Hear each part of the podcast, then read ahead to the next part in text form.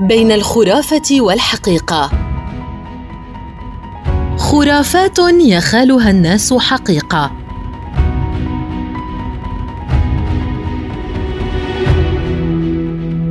وضع الزجاجات الفارغة على الأرض في روسيا.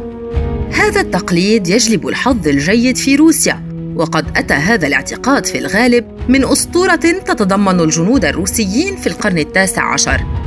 فالقصة وبحسب موسكو تايمز تقول إن الجنود الروسيين كانوا قادرين على توفير المال من استهلاك العصير في باريس عبر إخفاء الزجاجات الفارغة على الأرض بدلاً من وضعها على الطاولة. فقد كانت الفاتورة تحتسب تبعاً لعدد الزجاجات التي يتركونها على الطاولة ورائهم. الطرق على الخشب في أوروبا يعد هذا التقليد الآتي من أوروبا وعلى رغم شيوعه في مجموعة كبيرة من بلدان العالم وخاصة عبر استعمال طريقة أطرق على الخشب في نواح مختلفة من العالم لدرء وإبعاد الشؤم والسوء إلا أن هذا التقليد يعود فعلياً إلى أوروبا. وبالتحديد إلى ظنهم بأن الأشجار تحتوي على النفس الجيدة. وعلى أنها تبعد خطر الشؤم والنحس عن الأشخاص الذين يطرقون على الخشب. ننتقل إلى مضغ اللبان في الليل في تركيا. الكثير من الناس في تركيا لا يحبذون مضغ اللبان بعد أن تغيب الشمس. وبحسب الأسطورة التركية عندما يمضغ الشخص العلكة في الليل فإنها تتحول إلى لحوم الموتى. ولهذا هم ينصحون بعدم مضغ اللبان بعد أن تغيب الشمس. وعلى الرغم أن القصة وراء هذا الاعتقاد المروع غير واضحة ولكن الغالبية لن يخاطرون بذلك. تماما كما لا يخاطر البرازيليون بترك محفظة النقود أو حقيبة اليد على الأرض في البرازيل.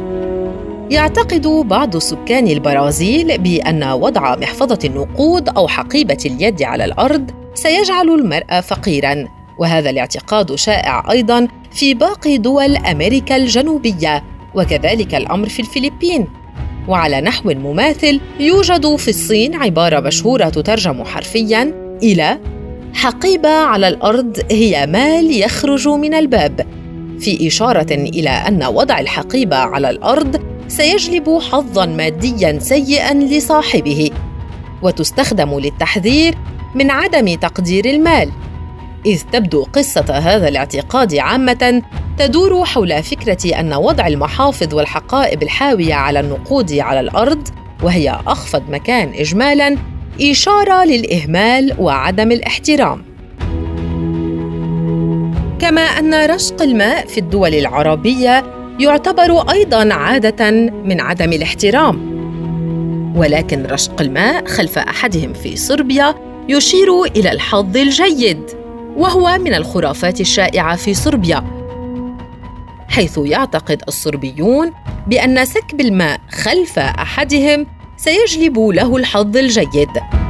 وعادة ما ينفذ هذا التقليد عندما يذهب أحدهم في رحلة أو إلى مقابلة عمل. وذلك لتمني الحظ الجيد له. ويسكب الماء تحديدا لاعتقادهم بأنه يعكس ويمثل الانسياب والحركة. وقد يكون هذا التقليد شائعا وموجودا في مناطق أخرى من العالم.